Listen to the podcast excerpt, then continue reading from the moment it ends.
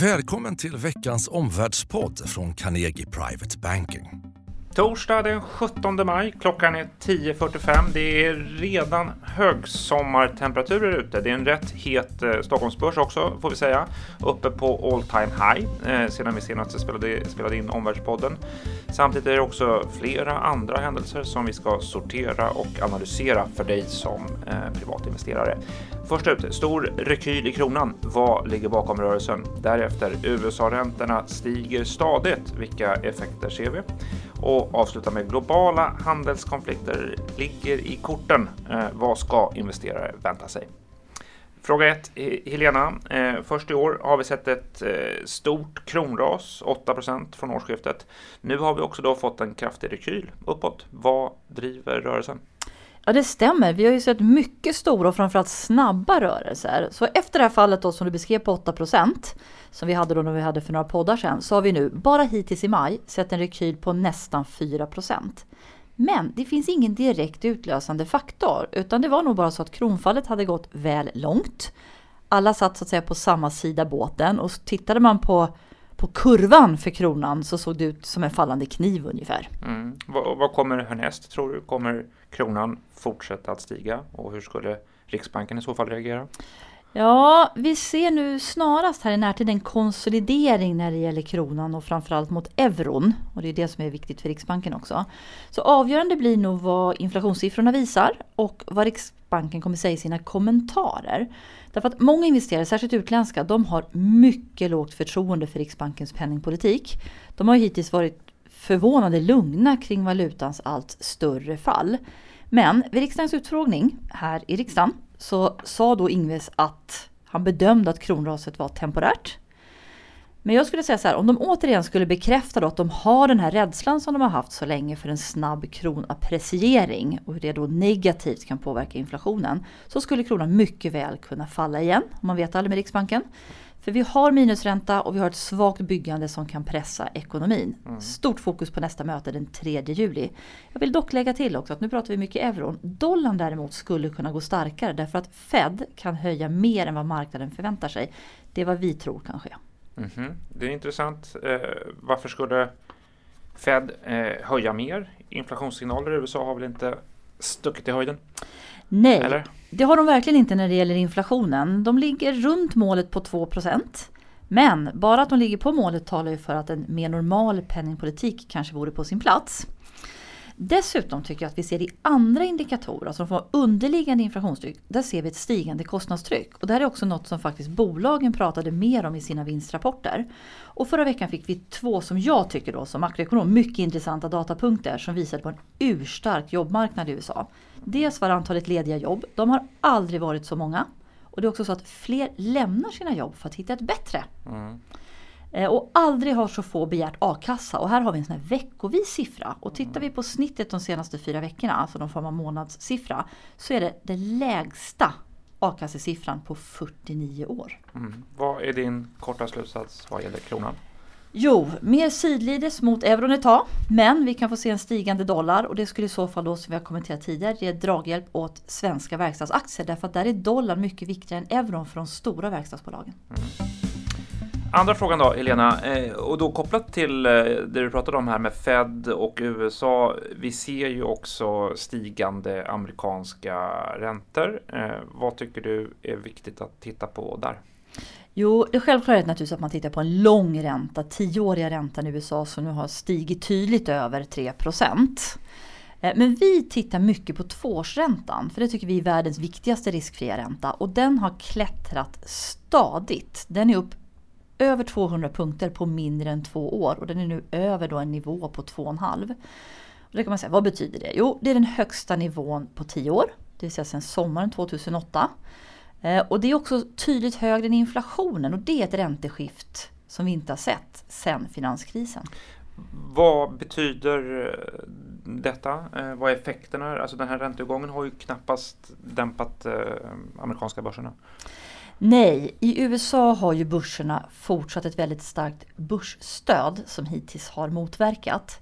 Det vi däremot har sett och som jag tycker är intressant är att vi har sett press på en rad valutor och börser på tillväxtmarknaderna. Många av de här länderna är sårbara av det enkla skälet att de har stora skulder i dollar.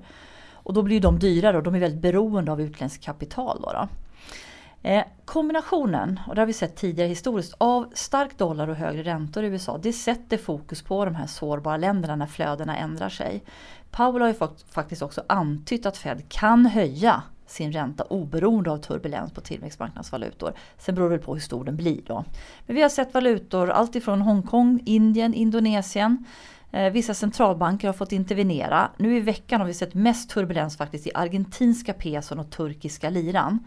Argentina har ju sett ett 25-procentigt valutafall i år. De har höjt räntan till 40 procent. Stor skuldökning de sista åren. Det här är dramatik. Nu går ju de till IMF och vill ha ett stödpaket. Turkiet då, ja där är det företagen som är väldigt högt belånade i dollar. Så ett snabbt fall i deras lira skulle kunna orsaka stora problem för ekonomin är svag. De har ingen kontroll på inflationen och nu går ju landet till val också mm, den 24 juni. Just det, så vad blir din slutsats vad gäller stigande amerikanska räntor? Vi ser redan problem i svaga tillväxtmarknadsländer från stigande räntan och starkare dollarn. Mm. Hela tillväxtmarknadskollektivet har gått sämre än världsindex i flera veckor ja. då, trots låg värdering och bättre fundamenta i flera av de här länderna. Tack. Den tredje frågan Henrik, det är ju fortsatt högt spel i amerikansk utrikeshandelspolitik. Och den här veckan är det ju Många möten på hög nivå i Washington mellan amerikanska administrationen och Kina. Berätta det, mer. Ja, det stämmer den här veckan och eh, man kan säga hela slutet på maj månad nästa vecka också är ju fullspäckad för amerikanska handelsförhandlare. Det är tre handelsrelationer här att hålla koll på. Dels den otroligt viktiga då, handelsrelationen mellan USA och Kina. Dels också eh, USA-NAFTA-avtalet eh, som är uppe på spel och ska finaliseras de närmaste dagarna. Den här eller nästa vecka är det aviserat. Dessutom så går det här stål och aluminiumbråket med EU mot, eh, måste gå mot en lösning eh, eh före eh, månadsskiftet här. Dessutom då till detta, till de här tre, så är det så att USA har beslutat att lämna eh, Irans kärnenergiavtal och hotar med så kallade sekundära sanktioner mot europeiska länder som fortsätter handla med Iran. Det är ytterligare en ny osäkerhet till, till handelsrelationerna. Så verkligen, hot om handelskonflikter finns i den här kortleken. Det är ett mycket högt spel av eh, den amerikanska presidenten. Vi har ju sett under eh, de, första månaderna det här året att bara risker och rubriker mm. om handelskrig får effekter. Vi ser det i ökad volatilitet. Vi ser det hur det påverkar valutamarknaden, till exempel svenska kronan verkligen då. Eh, det kan också sätta sig och påverka i förtroendeindikatorer och då kan det också komma att göra ett avtryck i den reella ekonomin och påverka både tillväxt och investeringsvilja. Mm. Men Henrik, hur ska man analysera amerikansk och Trumps utrikeshandelspolitik? Det är ju inte helt lätt. Nej, verkligen inte. Eh, men det finns ett par faktorer jag tycker man kan ha som kännetecken i varje fall. Det första är att den är väldigt då eh, transaktionell, eh, som man kan uttrycka det så. Alltså den baserar sig delar på en affärslogik, alltså vad kan jag tjäna bäst på det här? Vad är det för uppgörelse jag kan göra på detta? Men det följer också, det är den andra punkten, att det är unilateralt orienterad. Det ska vara enskilda överenskommelser mellan länder i detta, mer än stora multilaterala, multilaterala lösningar. Och den tredje då, eh, ja, Trump och kanske också den amerikanska administrationen är beredda att ta risk. Eh, också då just eh, rätt likt en affärsman. Detta i kombination då med ett lätt aggressivt uppträdande och en eh, också oförutsägbart uppträdande eh, ska ge önskvärda eh, resultat.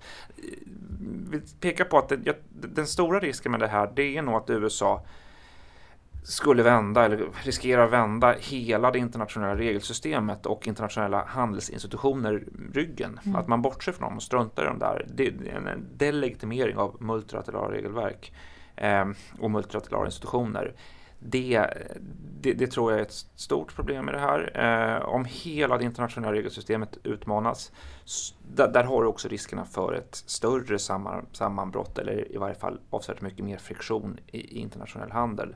Där är vi inte än, eh, men det, det, tycker jag är en, en, en, stor risk i sammanhanget att faktiskt mm. hålla koll på. Och vad blir din korta slutsats för investerare? Ja, kort slutsats och med ett kortare perspektiv då. Jag tror att eh, investerare ska räkna nu eh, de kommande veckorna med fortsatta risker, fortsatta rubriker om handelskonflikter och det där kommer att trigga turbulens på finansiella marknader. Ja, dagens tre slutsatser från podden det är 1. Kronan i konsolidering mot euron. Fokus på Riksbankens möte den 3 juli. 2. Högre amerikanska räntor och dollar ger redan problem i svaga tillväxtmarknadsländer. Och 3.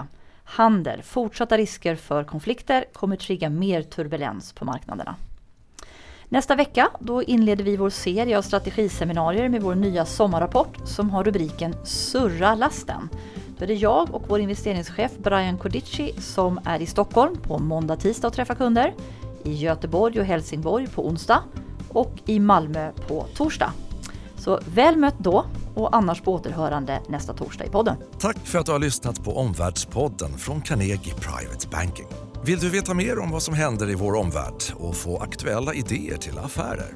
Gå då in på www.carnegie.se veckans viktigaste och prenumerera på vårt nyhetsbrev.